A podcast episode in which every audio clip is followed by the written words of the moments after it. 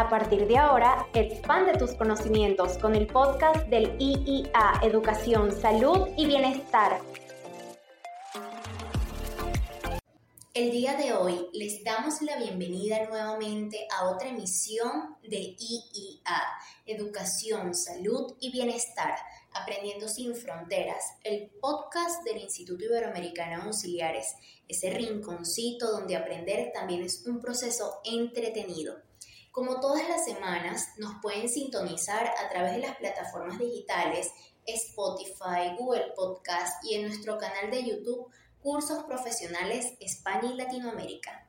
Desde ya estaremos compartiendo con diferentes especialistas una amplia variedad de temas relacionados con el bienestar, la educación y la salud. En esta oportunidad nos acompaña la doctora Ilemar Siervo Alvarado, ella es de Caracas, odontóloga general egresada de la Universidad Central de Venezuela, con posgrados en cirugía bucal y maxilofacial. Con la doctora Siervo conversaremos acerca de una de las dudas más comunes que tienen las personas cuando llegan a la edad adulta, y es que se hacen esta pregunta frecuentemente. ¿Es necesario extraer los terceros molares, conocidos coloquialmente como las muelas de juicios. ¿Realmente este procedimiento es necesario? Y todas estas dudas las vamos a aclarar con la especialista de la materia, así que bienvenida doctora Siervo, esto es IIA, Educación, Salud y Bienestar, Aprendiendo sin Fronteras. Hola, buenos días, ¿cómo estás? Doctor Ilemar, ¿por qué escogió el área quirúrgica? ¿Por qué escogí el área quirúrgica? Bueno, eh, no voy a decir que soy un médico frustrado, ¿ok? Eh, cuando comencé a estudiar, antes no sé si recuerdas que los papás más o menos guiaban lo que era la carrera de uno. En mi casa, ¿cómo vas a ser médico? ¿Cómo vas a ser médico? ¿Cómo vas a ser médico? Bueno, realmente cuando estudié odontología, que también me apasiona, eh, al final, haciendo pasantías, me tocó hacer pasantías en Magallanes de Katia y de verdad descubrí que era que lo que más se acercaba a lo que yo quería hacer. Porque yo no solamente quería ser médico, sino quería ser oncólogo. Entonces descubrí que, bueno, que la cirugía maxilofacial era lo que más se acercaba a eso, a lo que era ayudar a las personas. Y con esa respuesta, ahora le preguntamos a la doctora Ilemar, ¿qué tipo de procedimientos lleva a cabo un cirujano bucal y un cirujano maxilofacial? Bueno, la ley de los ejercicios de odontología es clara en eso.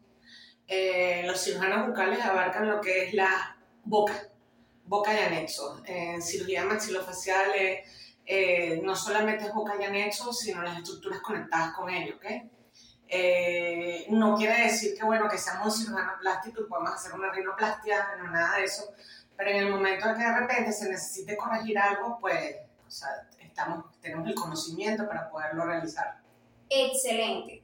Aunque su especialidad es la cirugía bucal y maxilofacial, en la práctica se dedica más a la cirugía bucal sin perder de vista la odontología. ¿Cuáles son los motivos de consulta más frecuentes en sus pacientes? Exonencia de terceros molares, evidentemente. Eh, cuando estamos hablando de cirugía, o sea, que tenga que ver con cirugía. Eh, ahorita también hay un boom en cosas estéticas. Sea, quiero hacerme una gingivoplastia, diseños de sonrisa, cosa que no es de mi área, pero trabajo en conjunto con mi hermana que es esteticista. Excelente.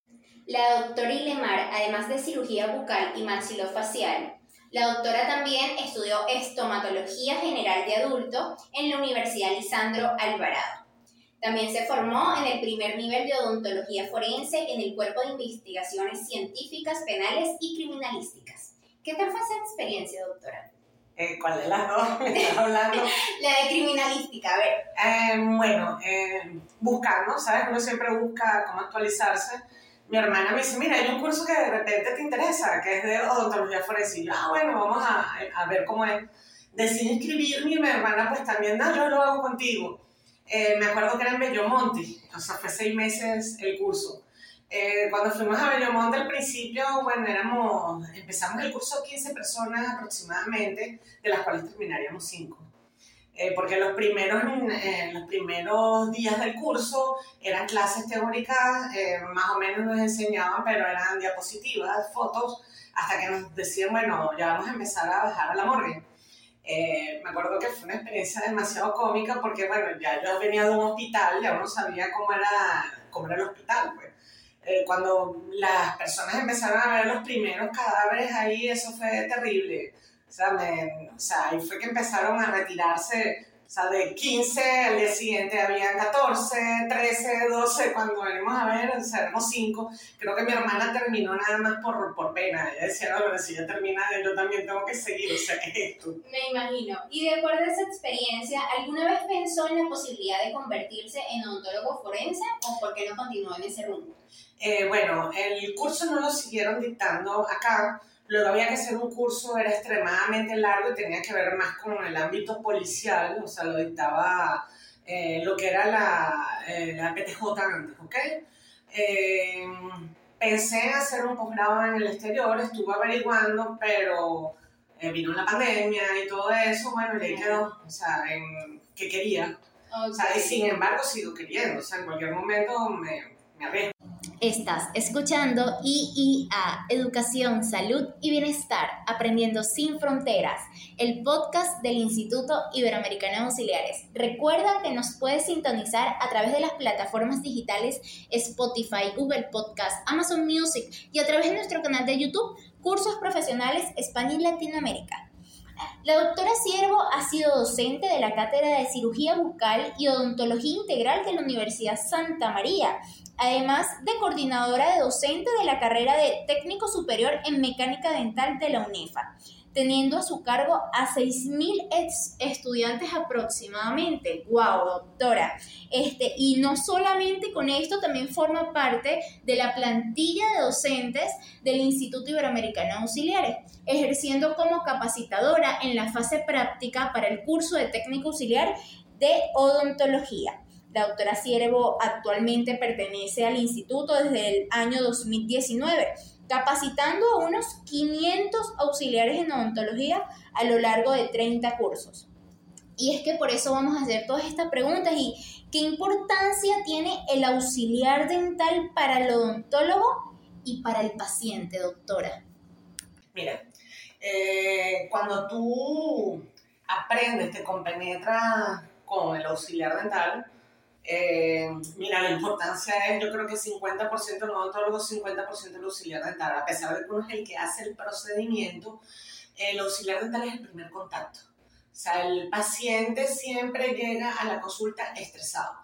Por más que el odontólogo ya esté acostumbrado al odontólogo, el odontólogo sea inclusive, digamos que amigo, porque uno tiene que aprender a hacerse amigo del paciente para que el paciente te gane confianza el primer contacto siempre va a ser con el auxiliar. Ellos son como los cómplices, el que me va a agarrar o tomar la mano en el momento de que me vayan a anestesiar, es el que, eh, al que le voy a echar el cuento de cómo me fue el día anterior, ¿me entiendes? Cosas que no hacen con el odontólogo. Júrenlo que cuando el paciente entra al consultorio y ven a uno, lo ven como que si uno fuera el malo de la película. O sea, no hay nada como, ¿verdad?, un auxiliar que se compenetre también con los pacientes.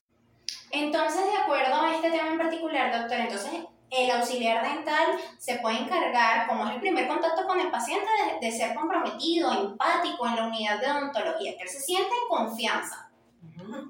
Eh, sí, eh, fíjate, el, no solamente el auxiliar dental, o sea, es el que ayuda a trabajar a cuatro manos al odontólogo, ¿no? Sino que eso es el primer contacto que tiene el paciente al llegar a la consulta odontológica. O sea, por ende, no es que todo el trabajo va a ser del auxiliar dental el adaptar al paciente a la consulta odontológica, sino también va a depender o sea, del odontólogo.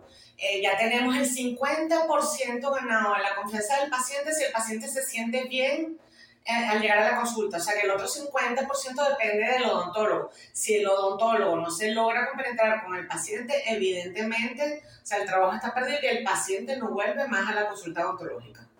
Excelente. Y hablando específicamente de los auxiliares dentales, ¿cuál es el perfil del auxiliar de odontología formado y capacitado dentro del Instituto Iberoamericano de Auxiliares? Ok, te voy a hablar por experiencia propia, ¿ok? Eh, muchos de los muchachos, cuando llegan, muchachos y muchachas, evidentemente, cuando llegan el primer día del curso, eh, siempre me dicen que las guías a veces son muy extensas. Yo les digo, no, mira, o sea, no, no todo en la vida es eh, aprender a hacer. O sea, uno aprende a hacer, si te sabes el contenido teórico, nunca, o sea, cuando se te presenta un inconveniente o una complicación, vas a saberlo solucionar cosa que no vas a saber solucionar, pues si no te acostumbras a leer, si no te acostumbras a investigar, o sea, por ende el profesional eh, de los técnicos, de los auxiliares de odontología que salen del instituto, son personas sumamente capacitadas. ¿Por qué? Porque no solamente tienen el contenido práctico que aprenden en la consulta odontológica, o sea, que es enseñado por los distintos odontólogos, sino también aprenden el contenido teórico. Entonces, al complementarse ambos, son sumamente, muchachos sumamente capacitados. Excelente, doctor. Y bueno, aprovecho la oportunidad para decirle a todas las personas que nos sintonizan, la doctora Ilemar es capacitadora dentro de los cursos que se dictan en el Instituto Iberoamericano de Auxiliares de, en el área de odontología como tal. ¿Cómo ha sido esa experiencia, esa trayectoria como docente dentro del instituto? Eh, mira, eh, al principio pues estábamos experimentando, o sea, ver cómo hacer eh, para que el conocimiento le llegara a los muchachos. O sea, a medida que van avanzando los cursos, ojo, no es que quiero decir que los primeros fueron conejillos de India, sino que eh, simplemente, o sea, uno va perfeccionando las técnicas con las que dicta el curso, ¿ok? Eh, no te estoy hablando que he visto a cinco muchachos, ya creo que son más de 500 los que he llegado a instruir en el consultorio odontológico, ya perdí de hecho la cuenta. Wow. Entonces, Excelente. Y bueno, es importante acotar que todos estos chicos en muchas ocasiones llegan sin saber nada en el área de medicina porque estos cursos van dirigidos al público en general y terminan encontrando allí una pasión en el área odontológica. Sí, la mayoría de, de estudiantes, o sea, la, por la norma deberían ser estudiantes, o sea, que ya o les gusta la odontología, sienten pasión por odontología, en algún momento quieren estudiar odontología. Sin embargo, en vista de que hubo pandemia, pues muchos de los muchachos era buscando algo con que, o sea, en que distraerse, en que pasar el tiempo y de verdad algún conocimiento extra que les sirviera en el futuro. En muchos de ellos eh, terminaron ahorita inscribiéndose para estudiar odontología. Eh, muchos también pues descubrieron que la odontología pues no es su pasión, o sea, pasó de las dos cosas, pero más se ve que los muchachos quisieron seguir en el ámbito de la odontología. Excelente, doctor Ilemar. Si hay algo que puede llegar a preocuparnos y sobre todo asustarnos es los procedimientos de odontología, pero sobre todo es la extracción de terceros molares. ¿Ok? Y bueno, doctora Siervo, ¿es obligatoria la extracción quirúrgica de las muelas del juicio o cuándo realmente debemos comenzar a pensar en esta medida? Muchas personas que nos están sintonizando el día de hoy habrán oído alguna vez hablar de las famosas muelas de juicio. Técnicamente no se llaman así, sino terceros molares, los últimos cuatro dientes que emergen en nuestra boca. Este proceso suele ocurrir cuando cumplimos entre 17 y 21 años de edad. Es decir, es una etapa del ser humano que se supone que es juiciosa, de ahí el nombre de muelas de juicio. Entonces vamos a hablar con la especialista en la materia, doctora Siervo. ¿Qué función cumplen los terceros molares y qué tan resistentes son? Mira, los terceros molares, si de cumplir una función, creo que pues, es un diente más en la boca, ¿ok? Eh, la función de los molares siempre ha sido de triturar alimentos, igual que los premolares. Sin embargo, la mayoría de personas que acuden a la consulta odontológica para extraer los terceros molares te digo que el 90% no amerita dicha extracción. Eh, hay un...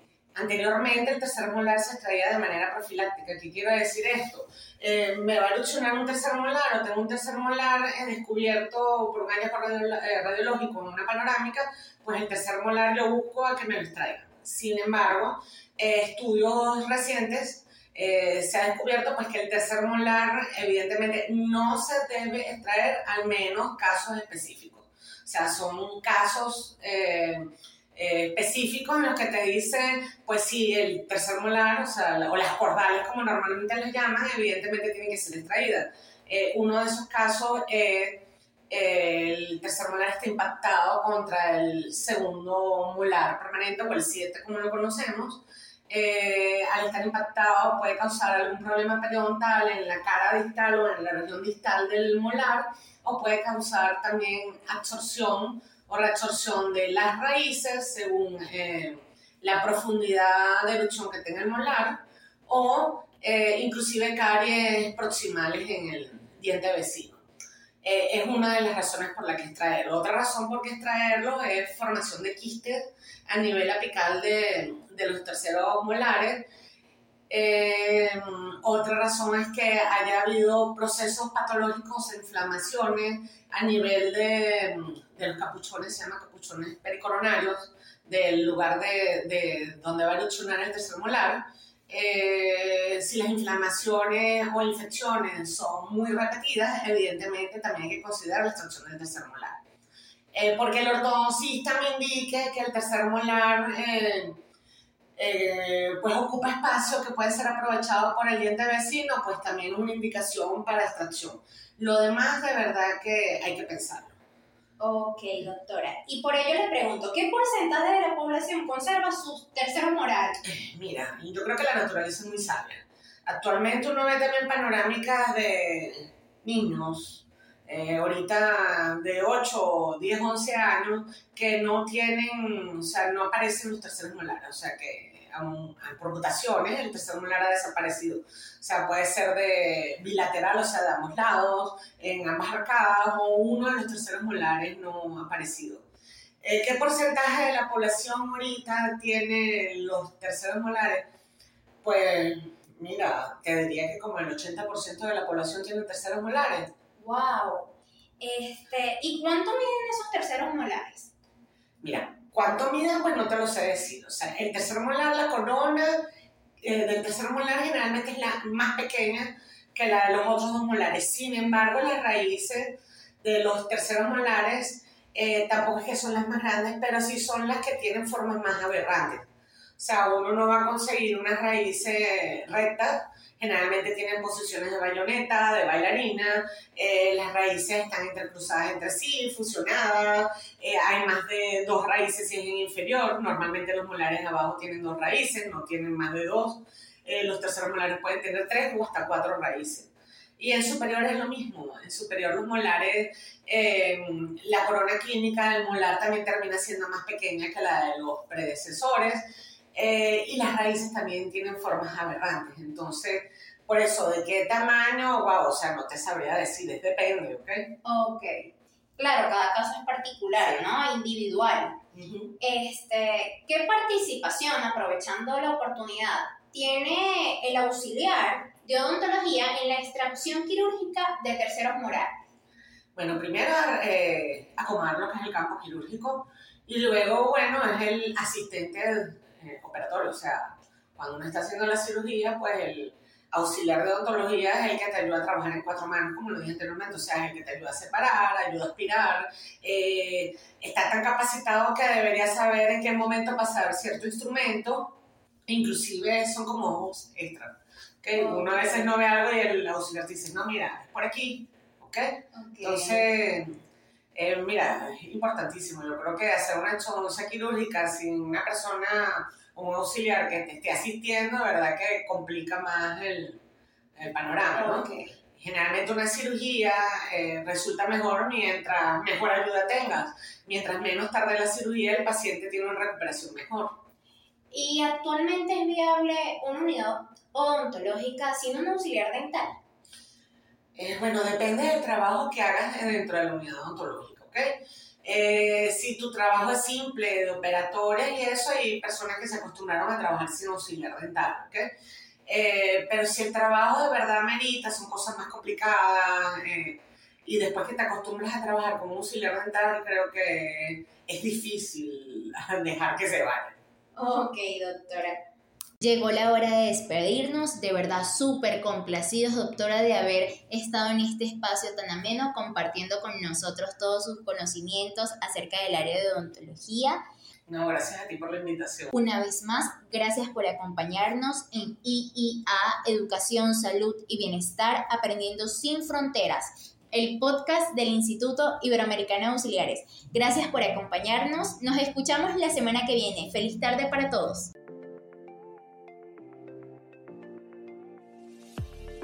Esto fue el podcast del IIA Educación, Salud y Bienestar. Les recordamos que nos pueden sintonizar a través de Google Podcast, Apple Podcast, Spotify, YouTube y nos puedes seguir a través de nuestra cuenta de Instagram arroba cursos para trabajar.